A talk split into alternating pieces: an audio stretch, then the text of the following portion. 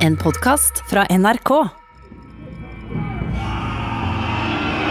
Det regner spyd og sverd fra himmelen. Det er krigerne som kommer fra nord og går i land ved århus omkring 205 i vår tidsregning.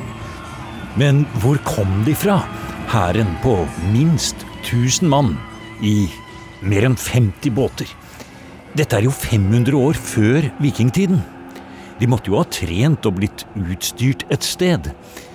Og var det her hos oss i det nåværende Norge? Kunne de rike jernaldersamfunnene langs norskekysten ha trent opp en slik hær for nesten 2000 år siden? Det er spennende å tenke på, men vi fryser på ryggen av det som ble invasjonshærens skjebne.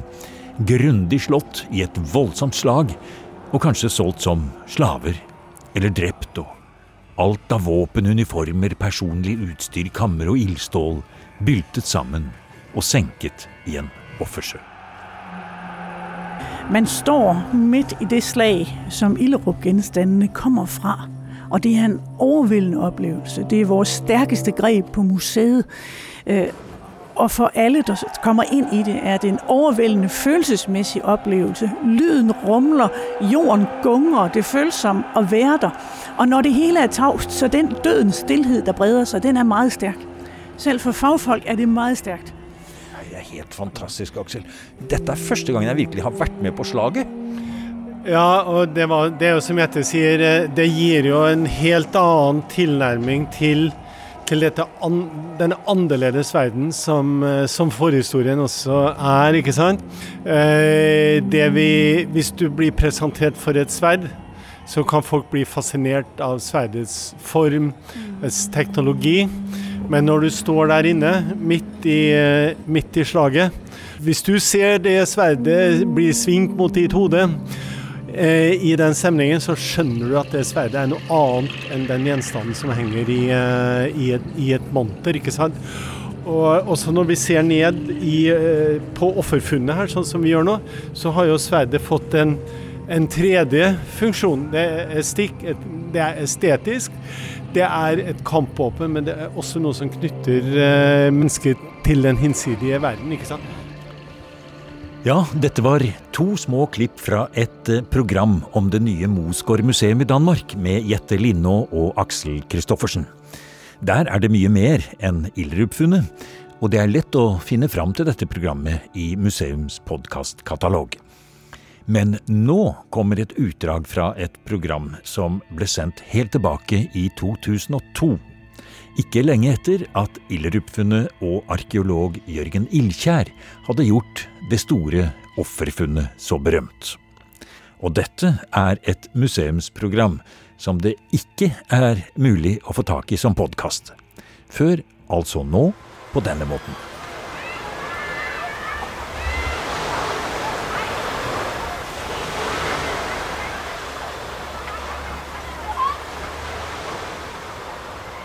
Det er doven sommerstemning på de store sandstrendene langs Jyllands østkyst. Og det er vel sånn nordmenn kjenner Danmark. Ferielandet med bading og barn som leker. Men disse strendene har også tatt imot besøk fra Norge på en helt annen måte. Havde vi været her for omkring 1800 år siden, altså næsten 2000 år siden, så var situationen en helt anden. På det tidspunkt, der var der nogle store spændinger i Nordeuropa. Der var forskellige modsætninger mellem befolkningsgrupper i forskellige regioner. Og den her østjyske, midtdanske region var under angreb fra øh, fremmede styrker. Og hvis vi nu havde været her ude ved vandet på det tidspunkt, så havde vi kunnet se en flåde med måske 50 skibe komme sejlende ned langs med kysten at gå i land et eller andet sted her på østkysten af Jylland. Ombord på de 50 skibe, der var der op mod 1000 krigere, fjender, som ville i land her i Østjylland. Og de kom i land, og de blev så mødt af forsvaret, som var organiseret i større enheder. Jeg forestiller mig egentlig, at næsten hele det nuværende Danmark har været organiseret i et fælles forsvar allerede omkring det her tidspunkt, og det er jo altså det er længe siden.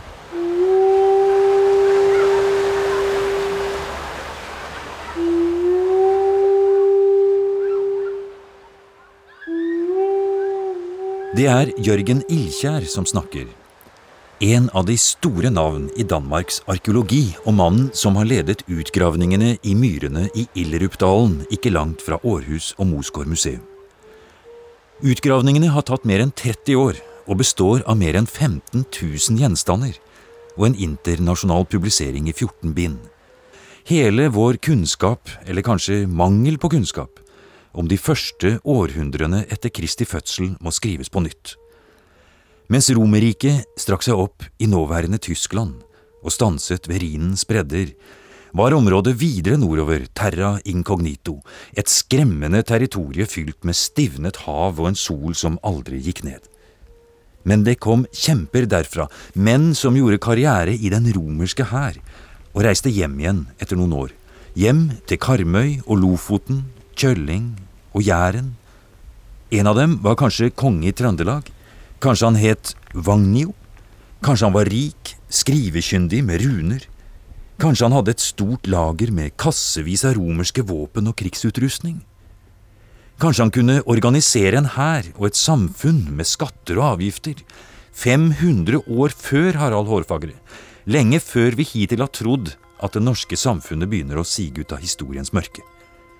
La oss høre mer om Vagn. Var det lederen for den enorme hæren som skulle ende sine liv som hodeløse ryttere i disen over myrene ved Skanderborg, og som aldri skulle oppleve at hele deres kostbare våpenutrustninger og alt annet de hadde med seg, kammer, fyrtøy, belter og klær, skulle ofres i religiøse seiersseremonier i Ildrupsjøen og synke til bunns, og bli bevart for alltid av Jørgen Ilkjær.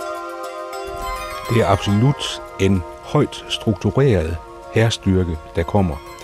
Ud fra det materiale, som vi har udgravet, ud fra de 15.000 ting, som vi har hentet op fra mosen, der kan vi beskrive her nærmere, og vi kan se, at der har været en struktur øh, i herren, en lavdeling, så en social stratifikation kunne man også kalde det med fremmede ord, øh, sådan at vi kan se, at der har været en ledelse i herren, som har været udsmykket netop som farverige krigere med rødmalede eller blåmalede skjolde, med sølv- og guldbeslag på sværskederne, og øh, i det hele taget udstyret meget rigt, og det er det, vi kender de, den del af hæren på, og de udgør kun 2% af, af hæren der.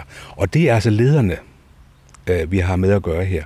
Så har vi så en mellemgruppe, som vi kan udskille på andre materialer, knap så rige, øh, bronze, måske med lidt sølv på en gang imellem. Og det er omkring 10 procent af materialet, som vi kan placere inden for det område. Og resten, det er sådan almindelige her. Men de er heller ikke tilfældigt udstyret. Hvis vi kigger på den almindelige soldats våben, så er de meget ensartede. De er seriefremstillede, næsten som kom de fra en fabrik. Og den fabrikken, den er spændende, for vi vet jo navnet på den fabrikken. Ja, vi kender øh, heldigvis øh, navnet øh, på en af dem, som har været med til at, at fremstille disse øh, lansespidser, som der er tale om her. Han hedder nemlig Vagnio. Det står nemlig skrevet med runer på to lansespidser her fra Illerup og en enkelt fra Vimose på Fyn. Og den ene er stemplet ned i jernet, og det vil sige, at det efterligner egentlig den romerske øh, skik med at stemple fabriksnavnet på sværene. Og det vil altså sige, at vi må slutte her ud fra to forskellige ting. Dels at vi har disse mærker, dels at vi har 300 landsespidser, som er fuldstændig ens, som kommer fra samme fabrik, øh, hvoraf nogle er stemplet Vagnio, at det kommer fra Vagnios øh, våbenfabrik. Og det står jo altså med runer øh, på disse øh, våbenstykker.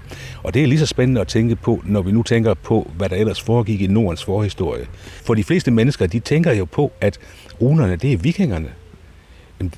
De, de her runer, de stammer fra 600 år før vikingetiden. 200 år etter Kristus. De skriver sine navn, de skriver sin signatur, og vi har, med, vi har faktisk flere navn. Vi har tre navn som stiger opp, som du sier, fra historiens mørke. Ja, vi har jo flere navne, øh, som gør disse mennesker pludselig til personer, ophæver deres anonymitet. Vi har en anden kriger, øh, som har været med på togtet, han hedder Svarta. Og det kan de fleste jo umiddelbart forstå, hvad det betyder. Det er et navn, øh, sorte på dansk, ikke? men øh, på norsk kan man forstå, sig umiddelbart. Mm. Og så har vi jo flere andre indskrifter. Vi har omkring 10 indskrifter i alt, og det er den største samling af runeindskrifter fra omkring 200, der overhovedet eksisterer.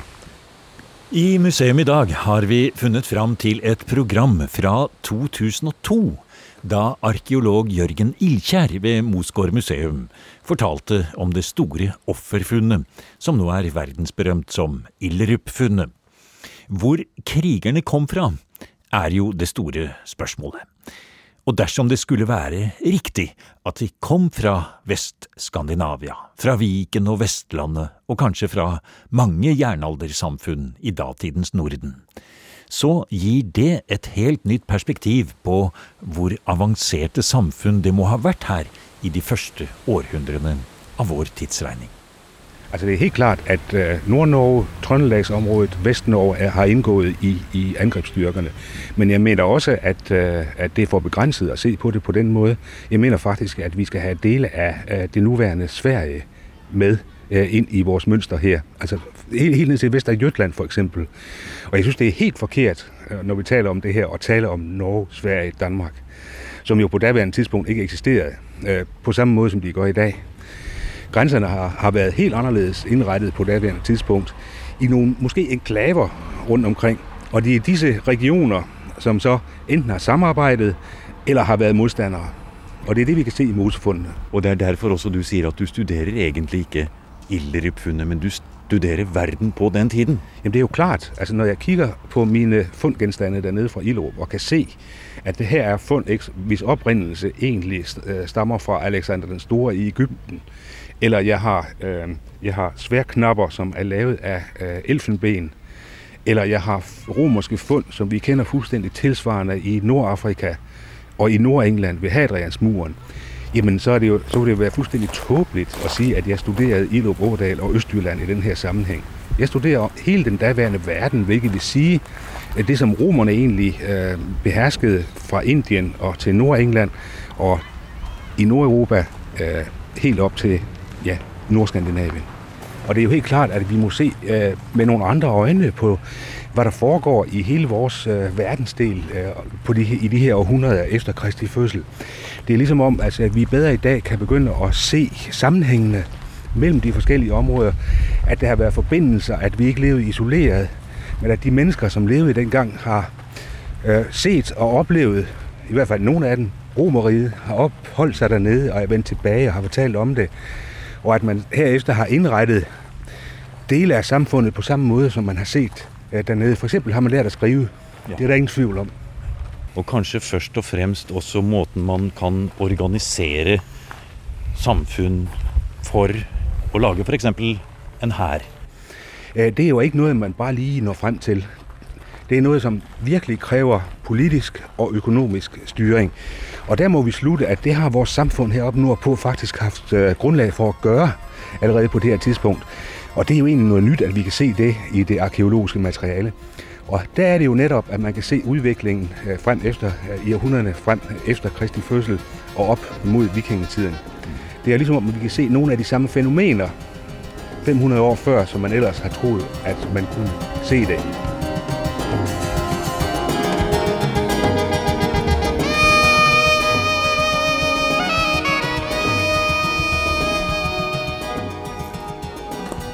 Nå vil jeg se på noen av gjenstandene. Nå skal vi gå inn i denne hovedbygningen her på Mosgård. Den store, hvite, flotte, gamle herregården. Og her har du en del av de gjenstandene som dere har arbeidet og arbeider videre med. Og du har sagt vi skal få se på noen av dem.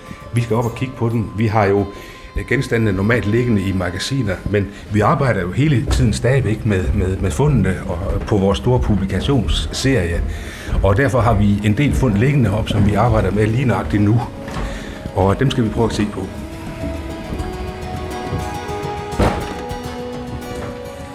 Og her tar du frem et, det her står her med et, et, et romersk svær. Ja. Øh, ja, det er, det er omkring 200 efter Kristi fødsel, som er, og det er bøjet. bøjet på, næsten vinkelbøjet. Ja. Og det er jo helt klart, det er jo, det er jo ikke noget, der er sket i kamp, det her. Nej. Det, det her det er en, en, en, en bevidst destruktion som har fundet sted efter kampen, og før det blev deponeret på, på søbunden derude i, i, i Illerup. For det er, det er jo egentlig uh, helt utrolig hvor godt bevart det er her. Man kan se kjernen. Nå, nå tar jeg forsiktig på overflaten her. Det er uh, man kan jo til og med forestille seg at enkelte av disse sverdene, hvis man polerte de opp litt, så kunne de bli like blanke som de var. Ja, men det, det kunne de faktisk også, fordi vi har faktisk lavet snit ind i den for at lave metallurgiske øh, analyser af, af jernet her. Og hvis man saver ind i sådan en klinge, så kan man se, at det er fuldstændig stålblankt, lige så snart man, man saver det op. Sådan et svær som det her, det er stort set lige så godt bevaret som mange norske tilsvarende svær, som ligger i gravfundene, øh, både i Vest- og i Øst-Norge. Og det som da er det helt nye, blant de nye tingene her ved Ildrup-funnet, det er jo at et sverd var jo bare én liten del av selve sverdutrustningen. Det var belter, bandolærer, det var skjefter, det var mange ting som da skulle følge med når man skulle utrustes med, med sverd. Og her tar du opp en uh, ny eske, ja, og her får vi en fantastisk spennende som du tar opp her fra esken. ja. Det er det, som vi kigger på her, det er de beslag, som har siddet på sværskeden, som hører til det svær. Og her øh, har vi sådan et stykke bøjet messing, øh, som også er et romersk materiale, men som er bearbejdet her i, i Nordeuropa. Øh, og det er altså bøjet til på en sådan måde, at man kunne stikke en rem ind under Netop. Øh, beslaget og omkring sværskeden. Og vi ser det er ødelagt nærmest som nogen skulle have slået en øks ned i en del av øh, beslaget, og det er vel akkurat det man har gjort. Det er lige nøjagtigt det, man har gjort. Formentlig er det dog et svær, man, man har brugt i det her tilfælde, og har snittet ind gennem sværskeden, og på den måde ødelagt det ja. øh, i forbindelse med deponeringen, eller før deponeringen virkelig. Og der kan vi altså lære at, at, at se, ikke, hvad, hvad man har udnyttet og her af materialer. små reagensglas nærmest, ja. ja. Og, og der ligger der. andre øh, beslag, som hører ja. til det bandoler. Ja. Og det er netop det meget spændende ved det her. En flot liten knap, nærmest ja. som du har frem her, et beslag. Og, og den knap her, det er romersk den er, den er lavet ned i Romeriet, og det er standardudstyr. Man har importeret i hundredvis af sådan nogle små øh, støbte dobbeltknapper, som man så har brugt i den skandinaviske udrustning. Man må, der må man virkelig forestille sig, at man på Wagnerius øh, arsenal har haft en kasse med romerske dobbeltknapper, som man har brugt til at, at lave sværudstyr til de krigere, som skulle med på togtet. Um, og, og det er jo også ganske spændende at tænke på, at man da har, da det har sittet en norsk høvding og haft et stort uh, utvalg av utrustning, som man kunne da sætte op en stor her med. For Romerike havde jo forbud mot utførsel av uh, våben, og specielt til disse vilde germanerne der oppe i nord. Ja, der eksisterer jo skriftlige forbud. De er altså lidt senere end, end, end det, vi har med at gøre her, hvis vi skal være helt nøjagtige. Øh, men sagen er jo, at når der kommer et forbud, så er det selvfølgelig fordi, der har sket en, en, en overtrædelse af et, øh, et, et, et, et eller andet regelsæt. Og da må vi jo formode at uh, Vagn og de andre, de har jo haft gode forbindelser med Romerike. De har haft handelsforbindelser. De har kanskje selv tjenestgjort i denne romerske her på et eller andet tidspunkt. Kanskje de til og med har været officerer der. Helt klart. Men altså, der skal vi jo igen se på, at det her stykke, som jeg står med, den lille dobbeltknap, det er jo et stykke romersk standardudstyr, som ingenting har kostet. Og det vil altså sige, at romerne har øh, udnyttet nordeuropæerne og har fra os fået det, som de havde brug for ned i Rineområdet for eksempel.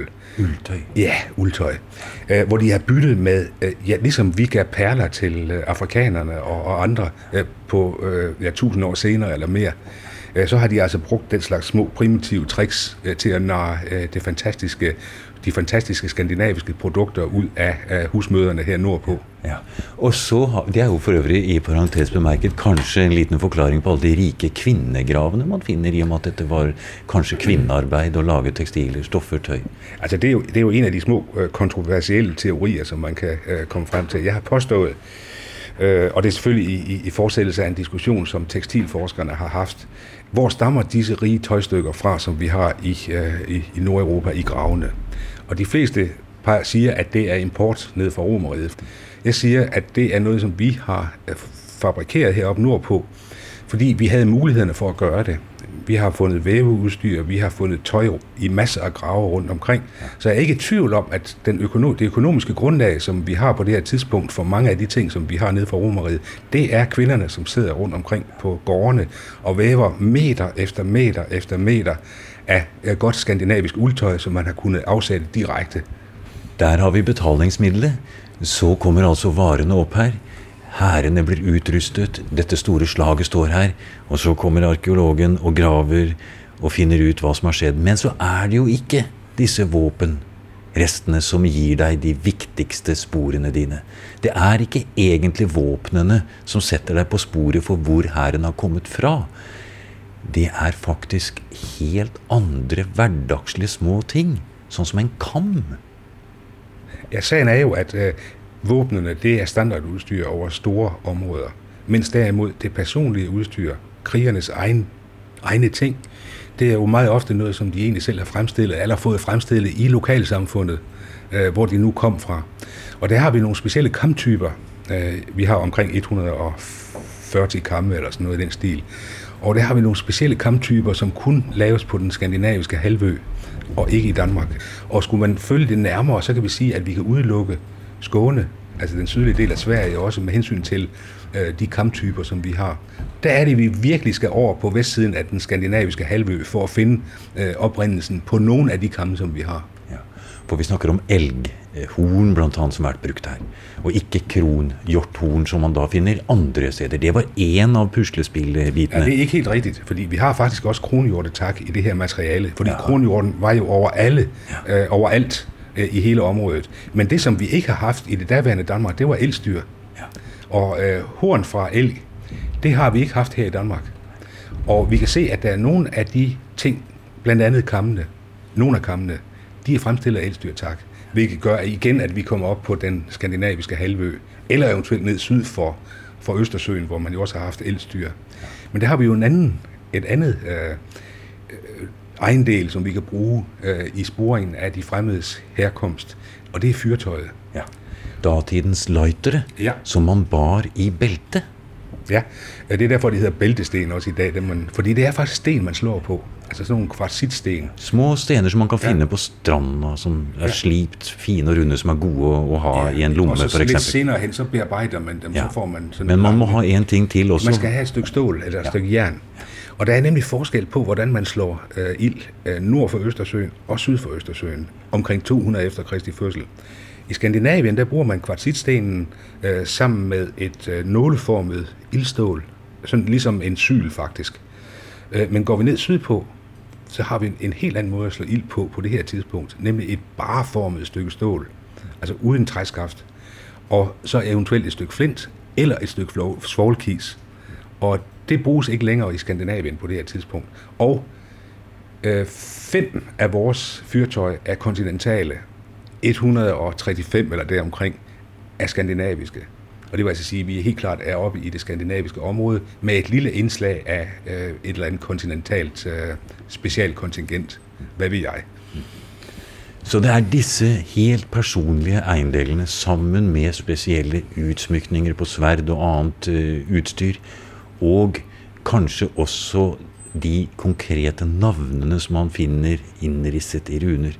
Dette gjorde at du begynte å se nordover når du skulle forklare hvor hæren hadde kommet fra. For inntil dette tidspunkt så var jo ikke det noe selvfølge.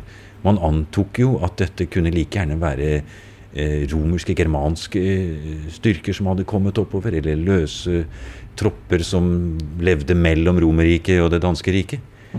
Og det store spørsmålet er jo hvor sikker er du, Ilkjær, på at de kom nordfra? Ja, altså det er jo et, øh, det er jeg meget sikker på, at det materiale, vi har her, øh, ikke er øh, øh syd fra, øh, et område syd for Østersøen. Det er jeg helt sikker på. Og teorien, ikke, den er egentlig ikke ret gammel. Altså den, den stammer fra omkring 1990. Det var, jeg skulle egentlig op på øh, Oslo Historiske Museum og, og kigge Olsak-samlingen og se på materialet op en gang til. Og for at lede efter nogle bestemte kamme, som vi kun havde øh, i, i mosefundene, øh, og dem fandt jeg ikke deroppe. Derimod fandt jeg nogle helt andre øh, kamtyper, og der kunne jeg så se, efter at have gennemgået hele det danske materiale, at Ilrup-kammene, de 135 Ilrup-kampe, de kunne umuligt være danske. De kunne umuligt komme syd for Østersøen. De kunne umuligt komme øh, fra Sydsverige. Vi skulle længere nå på, på den skandinaviske halvø. Og der har man jo også da andre funn, både fra Stavanger-området, Karmøy-området, vi har funn fra Vestad i Kjølling og andre steder fra norsk jernalder, det man har sett på det, hvor du finner en slående likhet i forhold til de funnene du har her? Eh, det er rigtigt, eh, men eh, problemet er jo, at i gravfundet, der har vi egentlig kun fragmenter af det samme udstyr, som vi har helhederne af i mosefundene. En lille knap, som man ikke før har forstået funktionen af, den indgår nu i, i et billede af soldaten med øh, sværophænget, som vi kan genkende fra Ilrup.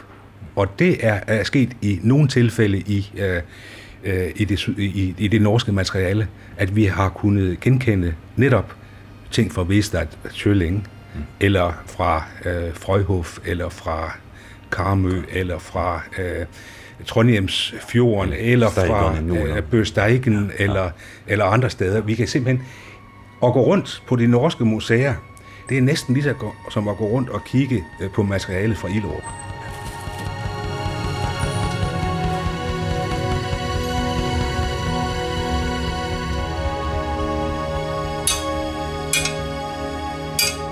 klinger endnu.